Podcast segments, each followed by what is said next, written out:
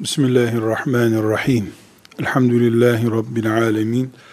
Ve sallallahu ve sellem ala seyyidina Muhammed ve ala alihi ve sahbihi ecma'in. Adem aleyhisselamın babamızın dünyaya gönderildiği dakikadan itibaren bir yürüyüş var. Bu yürüyüş çıktığı yerden Adem'in ve çocuklarının tekrar cennete dönme yürüyüşüdür. Bu yürüyüş bir on bin sene mi sürer? Yüz on bin sene mi sürer? Bunu Allah bilecek. Bu yürüyüşe kaç milyar kişi katılacak? Katıldı Allah bilir. Kulları bilemez. Bu yürüyüşte bu milyarlarcadan kaçı dökülmeden tekrar hedefe dönecek? Çıkış yeri cennet, dönüş yeri cennet. İki kişi çıktılar, belki iki milyar girecekler. Belki de daha az, belki çok daha fazla. Rakamları, akıbetleri Allah biliyor. Ama kesin bildiğimiz bir şey var. Biz babamızın annemizin çıkarıldığı cennete dönüş güzergahındayız. Bu güzergah esnasında on binlerce uyarıcı, önünüze bakın, yolu uzatıp durmayın, geri dönmeyin, sakın arkanıza dönmeyin, hedefe doğru yürüyün şeklinde uyardı peygamberler. Peygamberlerin yolunu gözleyen, aklı çalışanlar, salih kulları Allah'ın peygamberlere destek oldular. İnsanların aldanmaması için ikaz edip durdular. Sonuçta bu büyük yürüyüş, tekrar cennete dönüş yürüyüşünü milyarlarca insan maalesef sonuçsuz bıraktı. Yani yolda döküldüler. Bir az kitlesi Kur'an-ı Kerim onlara ne yazık ki az insanlar diyor. Onlar babalarının çıktığı yerden tekrar babalarıyla buluşacak şekilde başarılı yolculuk yaptılar. Biz de bugün babamızın çıktığı ve tekrar bizimle buluşmayı ahitleştiği, Allah'ın da tamam yürüyün gidin babanızın çıktığı yerlere siz de gidin diye önümüze koyduğu cennet yürüyüşündeyiz. Allahu Teala ümmet olarak bu yürüyüşte hepimize muvaffakiyetler versin. Ayağımız tökezlemesin, kaymasın diye dua etmekten başka çaremiz var mı? Var. Önceki tökezleyenlerden ibret almak. Neden ayağa kaydı bizden öncekilerin?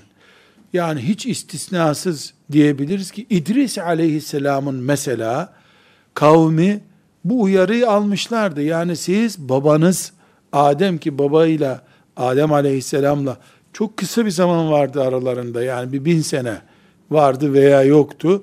Böyle bir zamanda ya etmeyin babanızın çıktığı yere ulaşıncaya kadar yani soluk almasanız olmaz mı?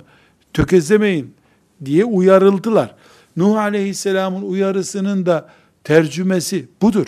Ama insanoğlu bocalamayı tercih etti, dökülmeyi tercih etti ve döküldü, helak oldu.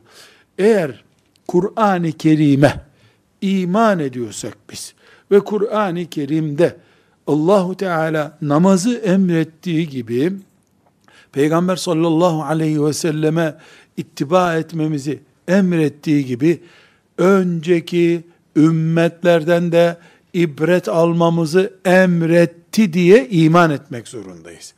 Asla ve kat'a Nuh aleyhisselamın ve kavminin başından gelip geçenler bir hikaye değil, ümmeti Muhammed'e derstir diye iman ediyoruz bu şekilde görmediğimiz sürece Kur'an-ı Kerim'in asgari bin ayetini iman etmiyoruz, boşa çıkarıyoruz demektir. Ashab-ı Kehf, Allah'ın cennetine kavuşmuş insanlar Kur'an-ı Kerim'de bizim önümüze niye konsun ki? Olmuş, bitmiş, kapanmış bir iş değil. Olmuş, kıyamete kadar olabilecek ve onlar gibi delikanlılar, onlara benzer yiğitler aradığı için allah Teala kulları arasında örnek, şablon gibi önümüze konmuşlardır. Ve bu Kur'an-ı Kerim'in ısrarla önümüze koyduğu şablon kimliklerden birisi Musa aleyhisselam ve kavmidir.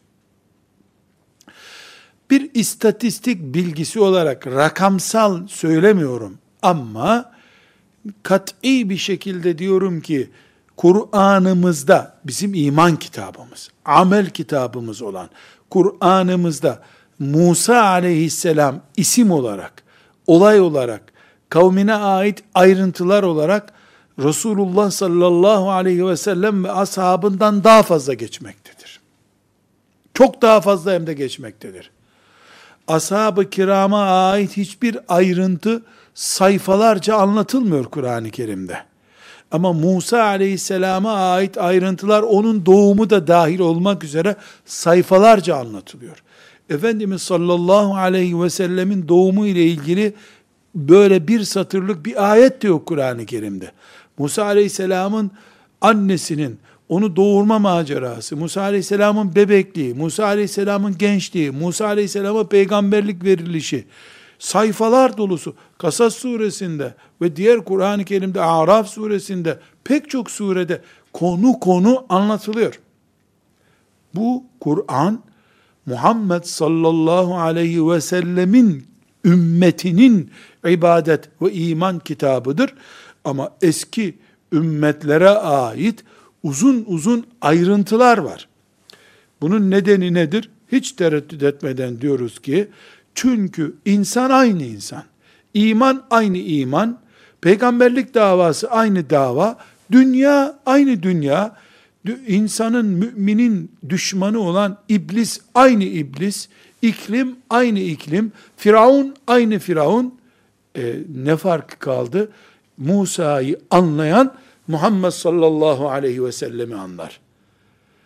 Musa aleyhisselamı iman eden temiz yüreklileri anlayan ashab-ı kiramı anlar.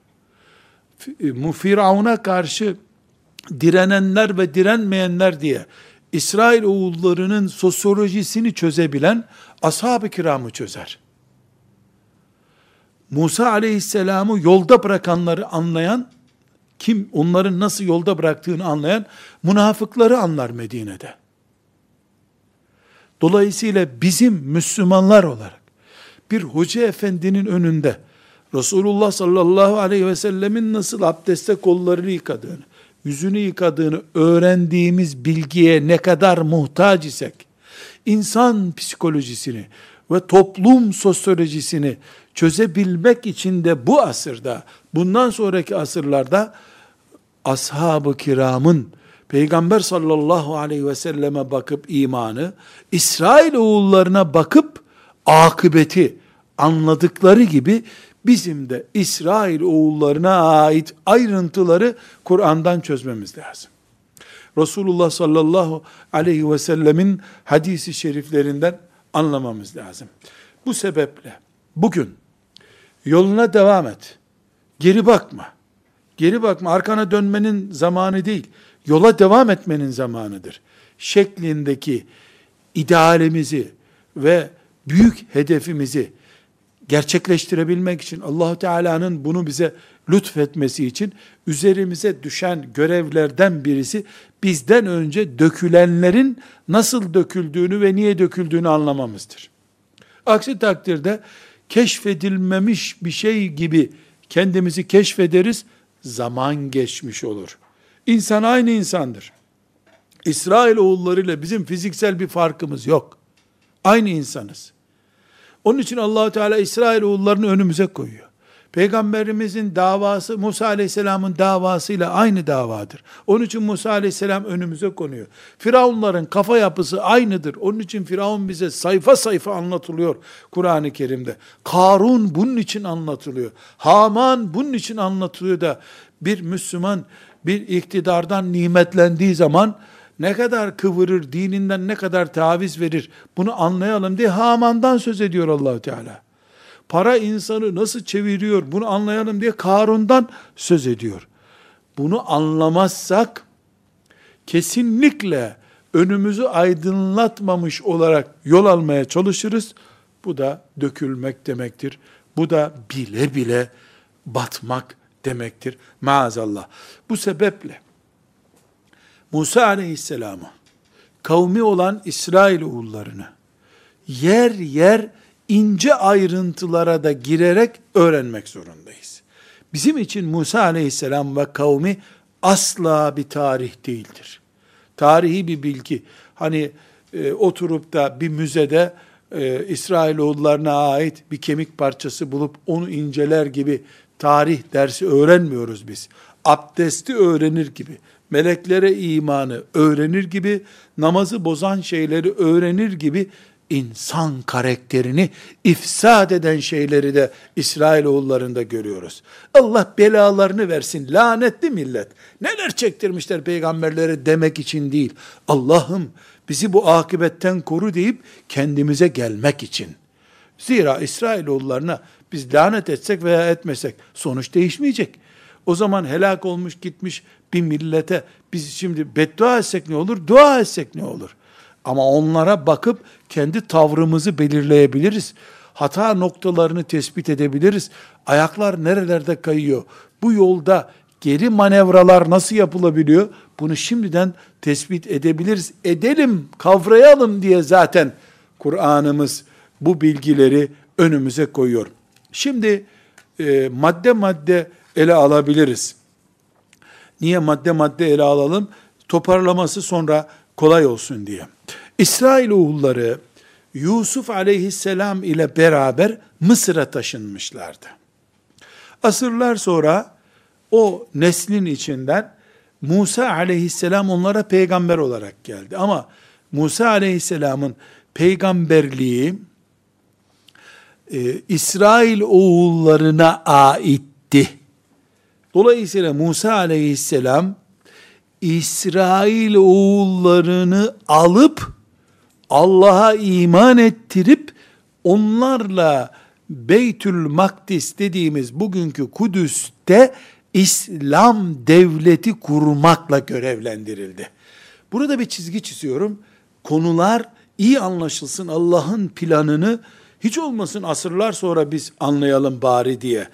Musa aleyhisselam Mısır'a peygamber olarak gelmedi. İsrail oğullarına peygamber olarak geldi. Evrensel peygamberlik Muhammed sallallahu aleyhi ve selleme ait bir şereftir. Kıtalar kuşatacak peygamberlik Muhammed aleyhisselamın peygamberliğidir. Musa aleyhisselam Firavun'la tartıştığı zaman ona mesajını ilettiği zaman bırak beni kavmimle baş başa din yaşayayım dedi. Firavun ne cevap verdi ona? Senin kavim dediğin benim kulum kölem. Sen nasıl onları kendi dinine çeker? Kur'an-ı Kerim'de bunları çok bariz bir şekilde görüyoruz. Bu ifadeler Kur'an-ı Kerim'e ait. Ben bugünkü dille telaffuz ediyorum. Musa aleyhisselam İsrail oğullarına peygamber olarak geldi. İsrail oğullarıyla bir peygamber devleti kurmayı Allah ona emretti. Hedefi toprağı Kudüs olan, Kudüs'te sınırlandırılmış bir peygamber devleti kurmak idi. İsrail oğulları onu akrabaları biliyorlardı zaten. Yani onların e, onlardan bir kadının, bir babanın çocuğu olarak Musa aleyhisselam doğdu. Ama ilk etapta İsrail oğulları bu e, mücadelede yani bir tepki vermelerine gerek kalmadan nüfus kaybına uğramamak, tehlike saçacak bir komşu devlet oluşmasına engel olmak için Firavun buna müsaade etmedi. Müsaade etseydi hazır köle kaybı olacaktı. İsrailoğulları Mısır'da köle gibi çalıştırılıyor, kullanılıyordu. Onların üzerinde nüfus planlaması bile yapıyordu Firavun. Yani erkek sayısını kadın sayısının çok altına düşürmüştü becerip mesela. Sırf yani söz din e, söz söyleyecek, direnecek bir erkek kapasitesi olmasın istiyordu İsrailoğullarında. Çalıştıracağı çapta yaşlı erkekler istediği işi yaptıracağı, evlerde hizmetçi olarak kullanacağı kadınlar istiyordu. İstihdam planı vardı Firavun'un. Musa aleyhisselam ise İsrailoğullarını bin kişi, beş bin kişi, yüz bin kişi ne kadarsa nüfusları e, peygamberleri olarak alıp başka bir yere hicret ettirmek istiyordu. Normalde biz düşünürüz ki Firavun'un alın gidin bunları başımda bela olmayın. Nerede ne yaparsanız yapın demesi gerekiyor. Öyle demedi. bir devlet adamı olarak onların ileride güçleneceğini düşündü. Hem kendisi bir insan potansiyeli kaybediyor. Hazır işçi e, kapasitesini kaybediyor, çalışan elemanı kaybediyor. Hem yarın bunlar gittikleri yerde bir güç olurlar diye korkuyor. Bu yüzden hala devletler Firavun kafalı zulümlerini yaparken at vatandaşlıktan kurtul yahu ne adamları hapiste besliyorsun? Niye adamlarla bir sürü e, işte dünyada kötü devlet, zalim devlet durumuna düşüyorsun? Deriz mesela Çin e, oradaki Uygur e, Müslüman kardeşlerimizi e, bırak gitsinler Afrika'da yaşasınlar. E, açtan ölsünler diye diyor insan. Halbuki bakıyoruz ki zalim Çin mesela e, dünyanın nasıl döndüğünü göreceğimiz bir hakikat bu. Mısır'a baskı yapıyor. Sana şunu satmam, bunu satmam, seni Birleşmiş Milletler'de sıkıştırırım, oradaki 20 tane Uygur'u bana gönder diyor. 20 kişi sen hep Cellat olsa bunlar hep tehlike olsa ne olacak diye düşünüyorsun. Öyle değil. 20 oraya 30 buraya dağıldılar mı dünyaya? Dışarıdan güç olarak 50 sene sonra dönerler bunlar. Devletler mantığı açısından yaygın ve güçlü bir anlayış bu. Firavun da o zaman böyle düşündü. Bunların fikir babası Firavun'dur zaten. Hep Firavun'u geçmek, daha samimi bir evlat olmak için uğraşıyorlar da zor geçerler onu. Çünkü Firavun ebedi bir zalimdir. Firavun'la boy ölçüşmeleri zor. Ee, inşallah e, Firavun'u geçemeyecekleri gibi Musa'ya gerek kalmadan da mümin gençler onların işini bitirecekleri. Bir peygambere yani onlar Musa düzeyinde olamayacakları gibi karşısına da bir peygamber çıkmasına gerek kalmadan birkaç delikanlımız inşallah bu Firavuncukların işini bitirecek biiznillahü teala. Ala külli hal Musa aleyhisselam sonunda e, anladı ki İsrailoğullarını vermeyecek bu adam. E, allah Teala'nın emri çok açık. Bu İsrailoğullarıyla bu işi yapacaksın diye. Sonunda hicret kararı verdi Musa aleyhisselam. Tabii ki Allahu Teala'nın emri ile. E, özellikle ayrıntılarına girmek istemiyorum. Çünkü bu ayrıntılar ana mesajımızı alıyor. Ee, biz halbuki şu anda geri bakınca, arkalarına dönünce İsrailoğulları nasıl helak oldular? O dersi çıkaracağız. Arkamıza dönmeyeceğiz. Resulullah sallallahu aleyhi ve sellemin Medine'den gösterdiği yola devam etmek zorundayız. Hilafetimiz kalksa da, Müslüman kadınların hiçbir tanesinde başörtüsü kalmasa da, Kabe'ye tavafımız yasaklansa da, yolumuza devam etmek zorundayız. Bu hakikati vurgulamak için yürüyeceğiz. Ta babamızla cennette buluşuncaya kadar yürüyeceğiz. İnşallah Teala. Bu hakikat perçinlensin zihnimizde diye ayrıntılarına girmeden hakikatleri anlat. Birincisi İsrail oğullarına peygamber gelen Musa aleyhisselama verilmiş emir neydi? Ee, bu emri nasıl uyguladı Musa aleyhisselam onu konuşuyoruz. Nedir bu pozisyon? Musa aleyhisselam e, ümmetiyle hicret etmek zorunda kaldı. Bu hicret bugünkü Mısır'dan, şehir ismi bildiğimiz için zikrediyorum yoksa öyle değil, Kahire'den düşünelim, e, Gazze'ye doğru yürüyecekler. Kahire'den Gazze'ye doğru. Arada ne var? E, Süveyş, şu anda kanal oldu. O zaman Süveyş, e, Haliç şeklinde bir ara denizdi. Sonra bu yakın zamanda e, bir boğaz gibi açıldı orası ama Süveyş'i geçecekler ya da daha kuzeyden Akdeniz denizinden e, belli bir deniz mesafesini geçip bir burun gibi olan Sinop gibi bizim haritada Sinop'un Karadeniz'e açıldığı bir burunu düşünün. Samsun'dan Sinop'a geçecekler ama arada böyle bir 3-4 kilometrelik bir deniz mesafesi var. Yani iki e, yolları var. Arada kara mesafesini kullanmaları mümkün değil. Çünkü e, bir gece kararıyla topluca kaçtılar. Yüz binlere varan ordusuyla da Firavun arkalarından geliyor. Yani böyle dağlık zemini ya da yürünmeyecek durumdaki çöl şartlarını aşamazlardı. E, oradan çıkıp Gazze'ye doğru yürüyecekler. Gazze'nin de bugünkü Tih çölü dediğimiz bölgesinde yani güneye doğru olan e, Gazze'nin güneyine doğru olan Refah Kapısı diye Mısır'la bugün Gazze e, İslam devletimizin arasındaki sınır kapısı haberlerde sık sık duyduğumuz Refah Kapısı. O bölgeye gelecekler. Hedef böyle bir hicret planlandı. Firavun e, bunu asla müsaade etmedi.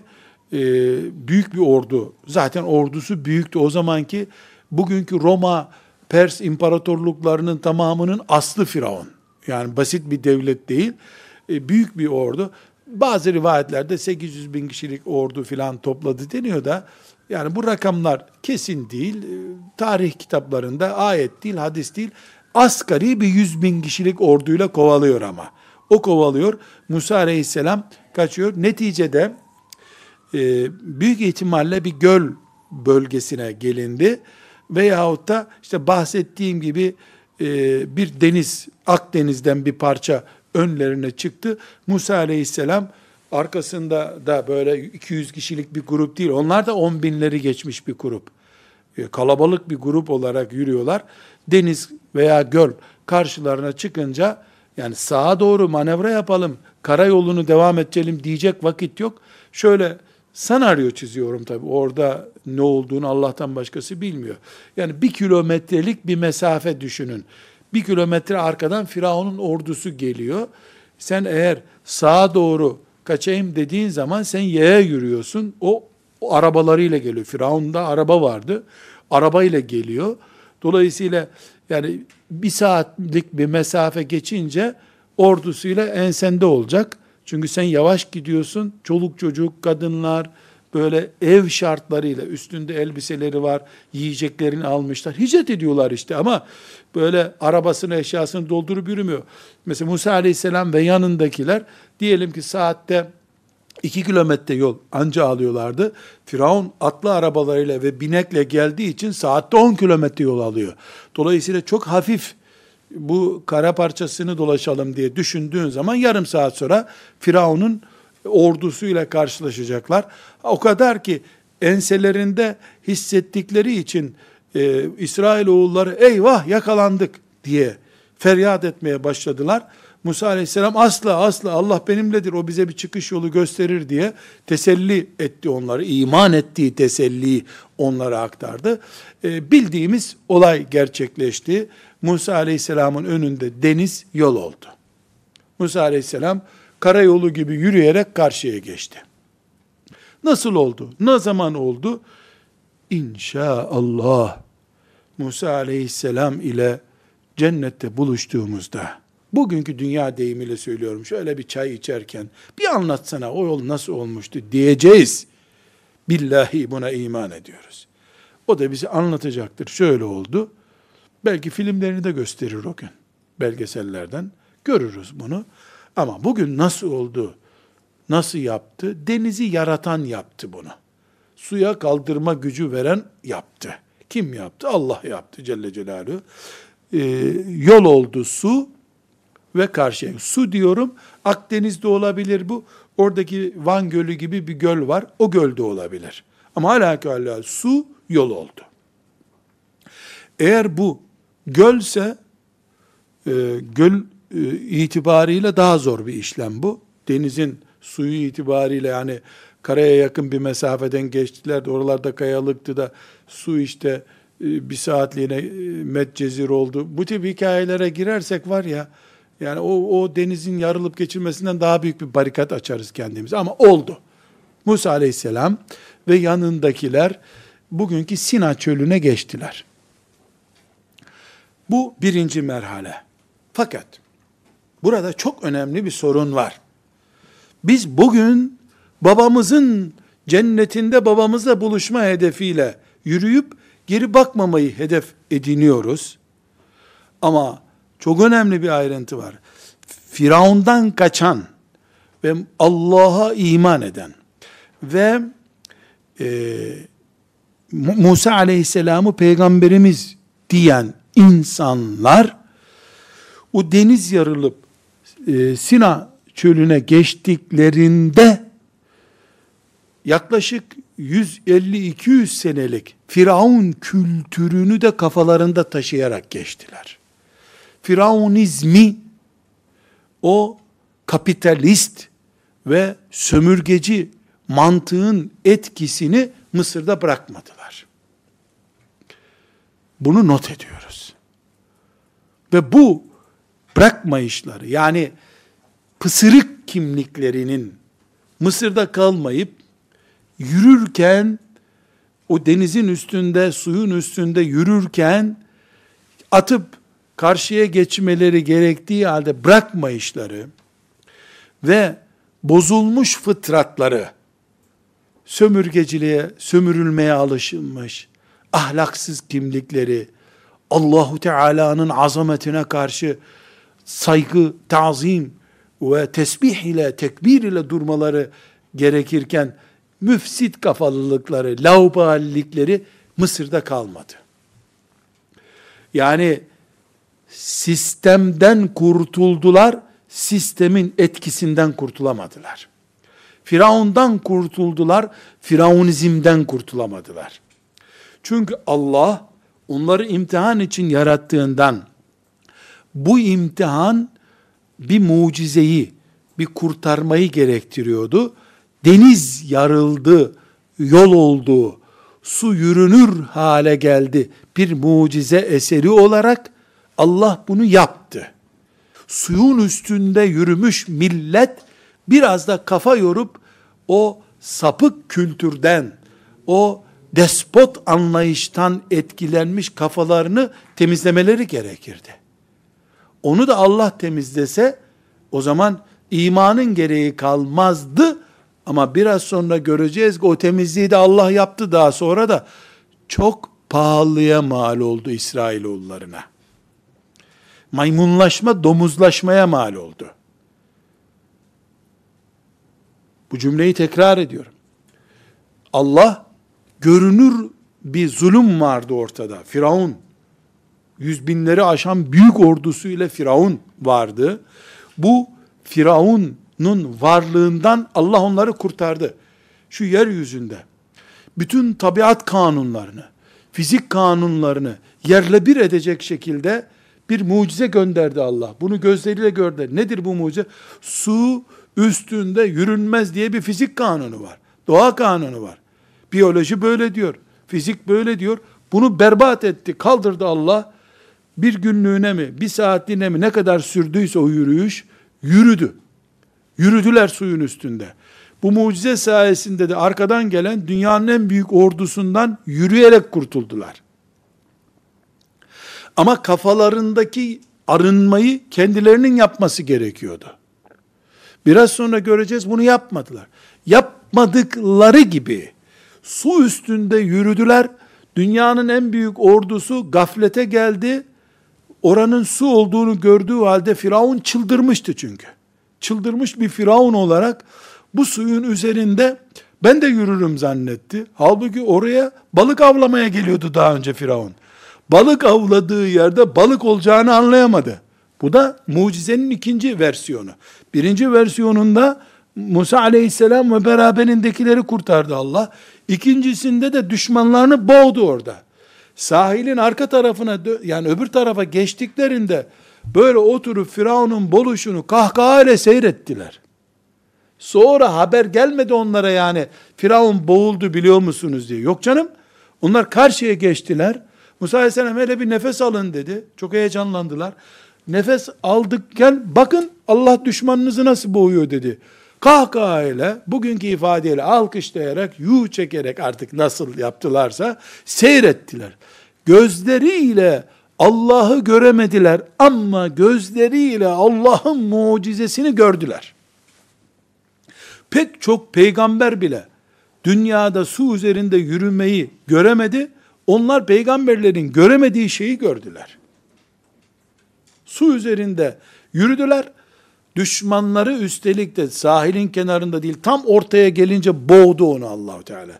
Hem Firavun'u hem yüz binlerce askerini aynı anda boğdu. Bunu gördüler. Ama onlar da lütfedip beyinlerindeki kiri o eski sistemin, köleleştiren sistemin, paraya taptıran sistemin, karunlaştıran sistemin, Hamanlaştıran, devlet memurluğunu ilah düşüncesi olarak düşündürttüren ki Haman kafasıdır o. Devlet memurluğunu ilahlaştıran anlayış. Siyasi lidere yaklaşmayı, yakın olmayı put haline getiren anlayışı kafalarından temizlemesi gerekiyordu. Onların, onlardan beklenen buydu. Peygamber Musa aleyhisselam ve Harun aleyhisselam ikisi de peygamber olarak başlarındaydı. İki peygamber onlara bu mesajı verdi ama onlar bu dersi asla almadılar. Sonra Allah yine lütfedip 40 yıl onları büyük bir hapishane cezasına koydu. Tih dediğimiz cezaya verdi. Bu maddeyi tekrar inceleyeceğiz. Bu sefer o o nesil Allah'ın bu büyük mucizesini gördüğü halde hiçbir kıpırdama göstermeyen, lütfedip kafasındaki artistik fikirleri temizlemeyen o nesli Allah çok ağır bir cezaya, maymunlaşma, domuzlaşma cezasına çevirdi. O ceza ile beraber onları 40 yıl kampa aldı.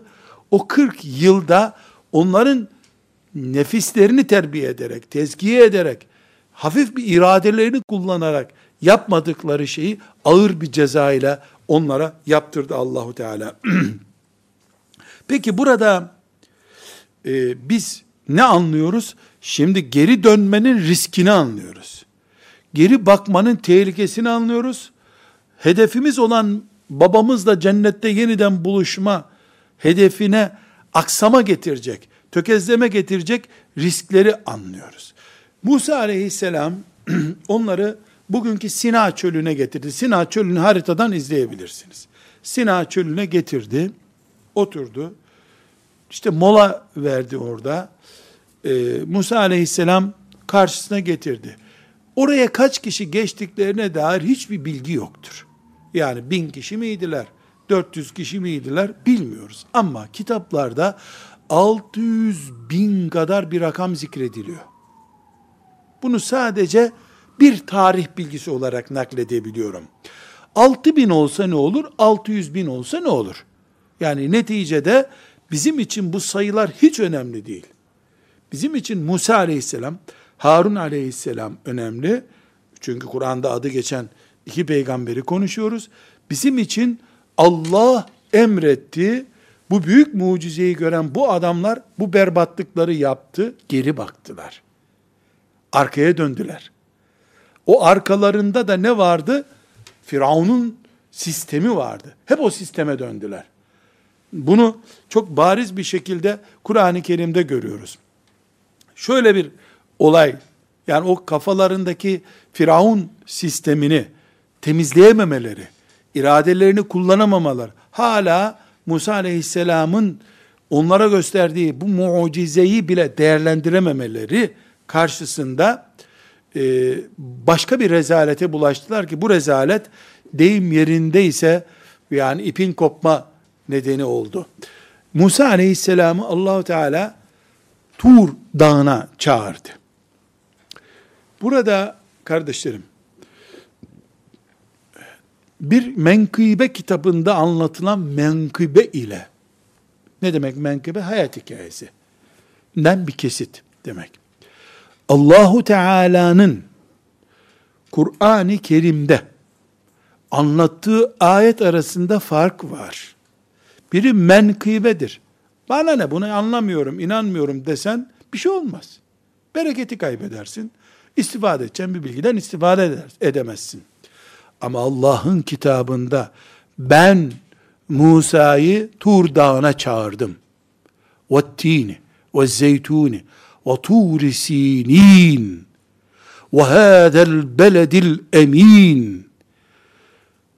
zeytine, incire, Musa'yı çağırdığım Tur Dağı'na ve şu Mekke'ye yeminim olsun diyen Allah'ın Tur Dağı'ndaki Musa ile görüştüğünü anlamayan mümin, anlamak istemeyen mümin, Kur'an'a iman etmeyen insandır. Akıbetini öyle düşüneceğiz.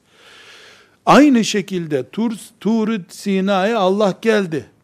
Orada Musa ile konuştu. Orada oturdular filan taşın üstüne oturdular. Zanneden mümin de zil zurna cahil mümindir.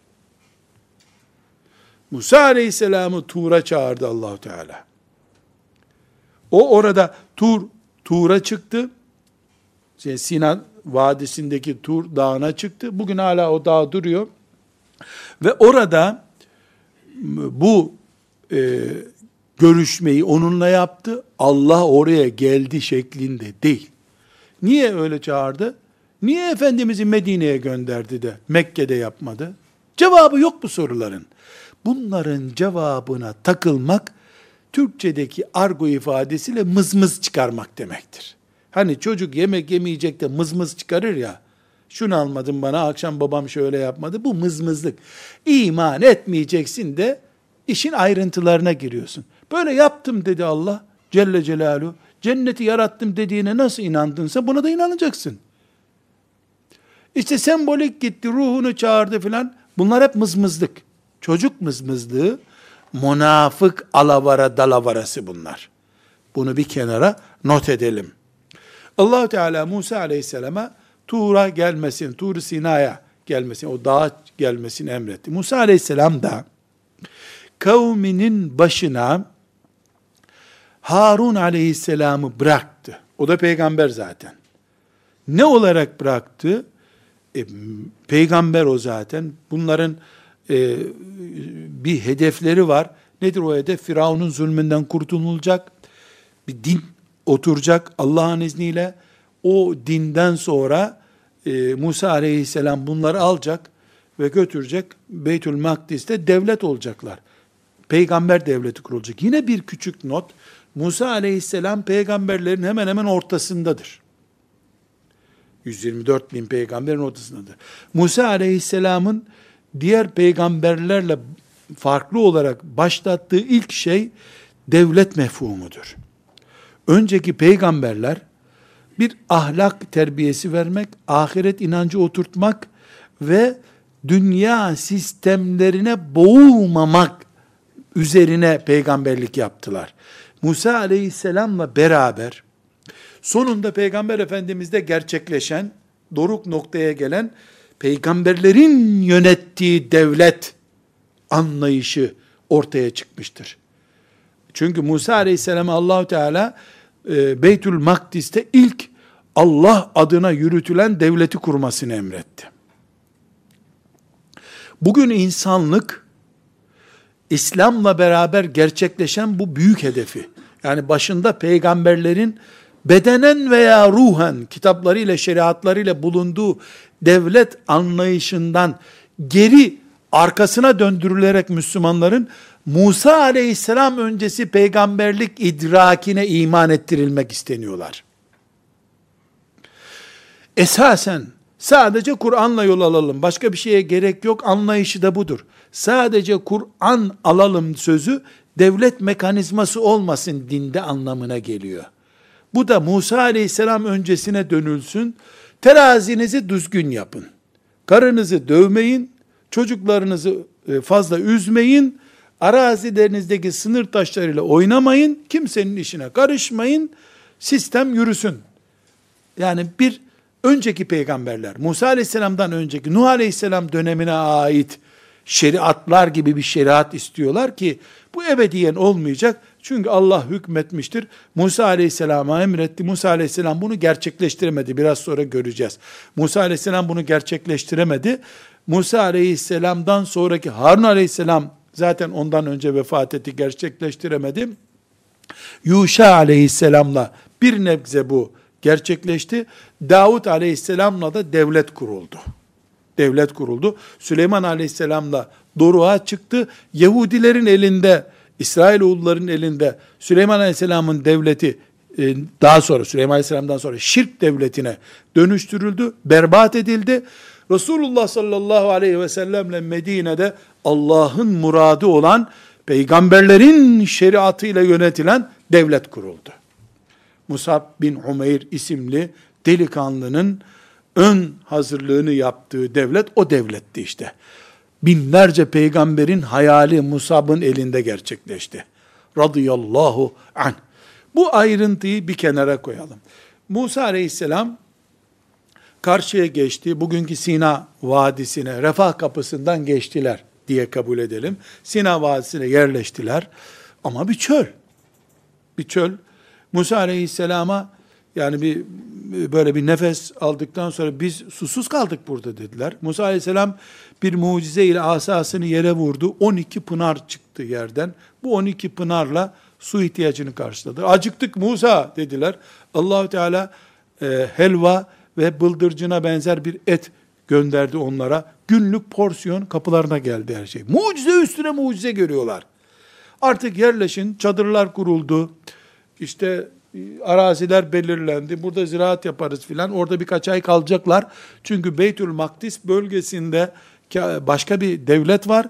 O devletle e, savaşıp o devleti oradan kaydırmaları lazım. Oraya yerleşecekler. Bayrağı dikecekler. Allah'ın muradı gerçekleşecek. Allah böyle istiyor. Bunu söyledi Musa aleyhisselam.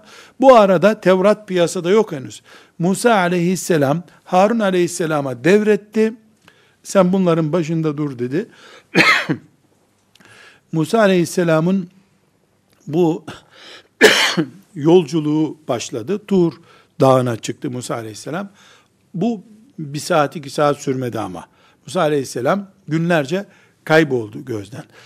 Musa aleyhisselam Tur'da iken Allahu Teala'dan İsrail oğullarının kitabını almak, İsrail oğullarının şeriatını getirmek için gittiği esnada Samiri isimli İsrail oğullarının kurnaz adamlarından birisi geri dönüş, arkaya bakma, ardına dönme hamlesi başlattı. Ne yaptı biliyor musunuz? Musa aleyhisselamla onlar o sahneleri gördüklerinde Musa aleyhisselamdan bir ricada bulundular. Dediler ki Musa İc'allena ilahen Şimdi dikkat edin. Bize bir tanrı yapsana sen. Yolda yürüyüşünde şimdi çöle geliyorlar ya orada bir Bedevi kabilesi görmüşler. Bir taşa tapınıyorlar. Aa ne güzel bunların ilahı var. Bize de bir ilah yapsana dediler. Musa aleyhisselama. Musa aleyhisselam yani ne tepki verdiğini konuşmaya gerek yok. Ayrıntılara girmeyeceğiz dedik. Bunlar bir hafta önce o denizin yarılma olayını görmüş insanlar. Sıkıntı burada. Denizin yarıldığını gördüler.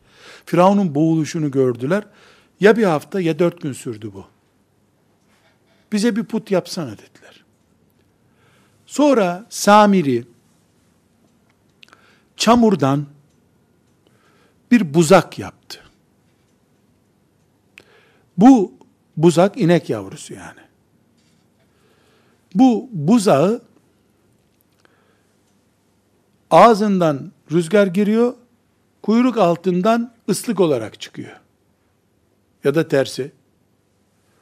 Aa mucizeye bak dedi. Kalktı onlara gözlerinin önüne baka baka dedi ki insanlar İsrailoğullarına hitap ediyor. Bu sizin ilahınızdır. Musa unuttu bunu size söylemeye. Ayet bu. Sizin bu sizin ilahınızdır. Musa bunu size söylemeye unuttu. Çabuk gelin buna tapının dedi. Arkadaşlar, kardeşlerim, dostlarım, insanın tıpkı bir mermilik canı bulunduğu gibi imanı da bir mermiliktir. Herkes için de geçerlidir bu. Herkes için geçerlidir.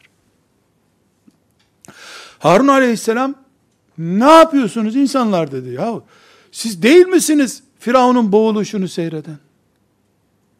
Allah'ın mucizelerini ard arda görmediniz mi?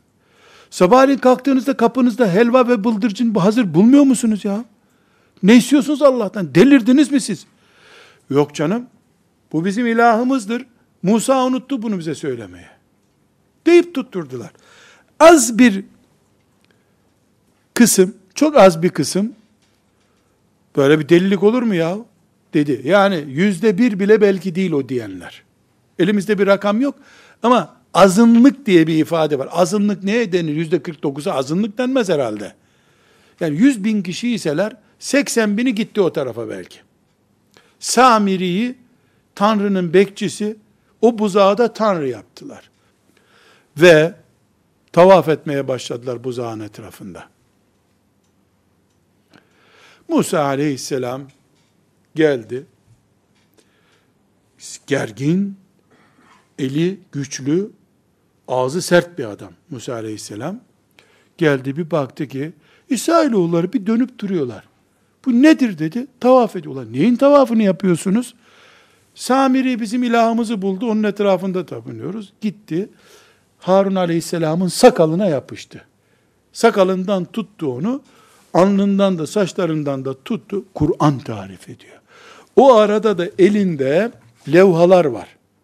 Bildiğimiz böyle yani bildiğimiz derken haşa böyle levha dediğimiz şey gibi o levhalarda Tevrat yazılı allah Teala ona yazılmış olarak Tevratları verdi, indirdi. Böyle elinde onları fırlattı. Tabi bu da tehlikeli bir şey. Yani ayetler yazılıp kendinden geçti diyelim bizim ifademizde. Harun Aleyhisselam'ı çekmeye başladı. Ben sana bunları mümin olarak bıraktım. Sen ne hale getirdin bunları dedi. Ne hale O da anamın oğlu. Bırak beni bunlar söz dinlemiyorlar görmüyor musun?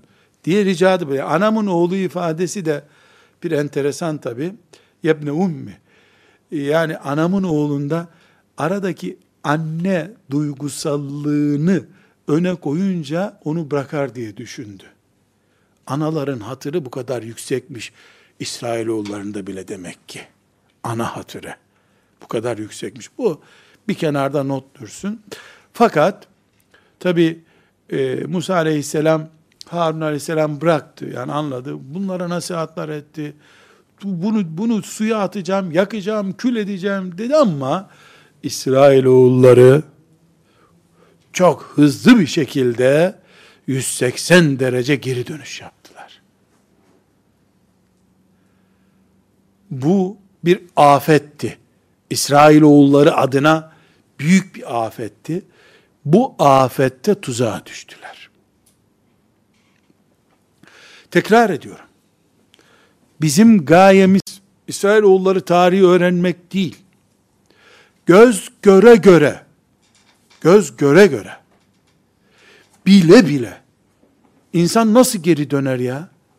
Hazır yürüyüşe çıkmışsın, Allahu Teala sana kapıyı açmış, peygamberini göndermiş, iki peygamber başında duruyor senin, dün mucize görmüşsün, bu mucizeyi akıl almaz, roman yazmaz. Büyük bir mucize. Ama şeytanın da kendine göre binlerce yıldır hazırladığı planları var. Plan devreye girdi. Şeytanın planı devreye girdi. İsrail oğulları geri dönmek istediler. Allah onların fiziki düşmanlarını onlardan kurtardı. Yani onları fiziki düşmanlarından kurtardı onların iradeleriyle yapmaları gereken işi ise onlar cesaret gösterip yapamadılar. Allah'ın azabına adım adım yürüdüler. Bu İsrailoğulları macerasına devam edeceğiz inşallah. Velhamdülillahi Rabbil Alemin.